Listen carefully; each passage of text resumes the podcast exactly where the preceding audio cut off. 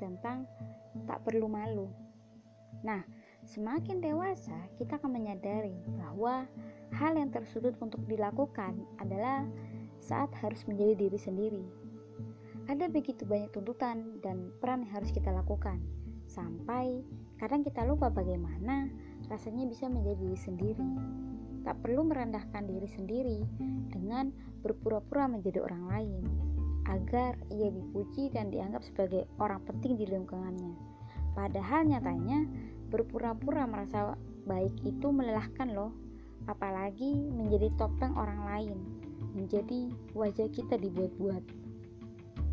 Berpura-pura tersenyum di depan orang yang tidak kita sukai, tersenyum di orang yang sudah melukai kita, berpura-pura itu pada dasarnya sangat melelahkan dan hidup terlalu singkat bila dihabiskan hanya untuk menjadi orang lain.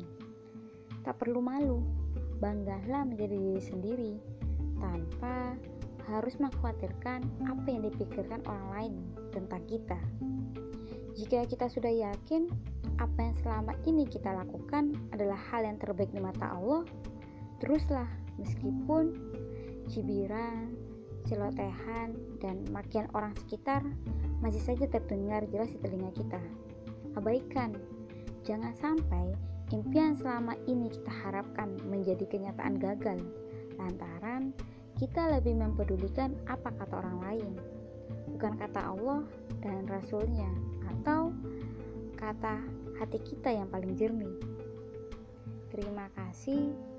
Hanya ini yang bisa aku sampaikan hari ini aja aku bisa sharingkan ke teman-teman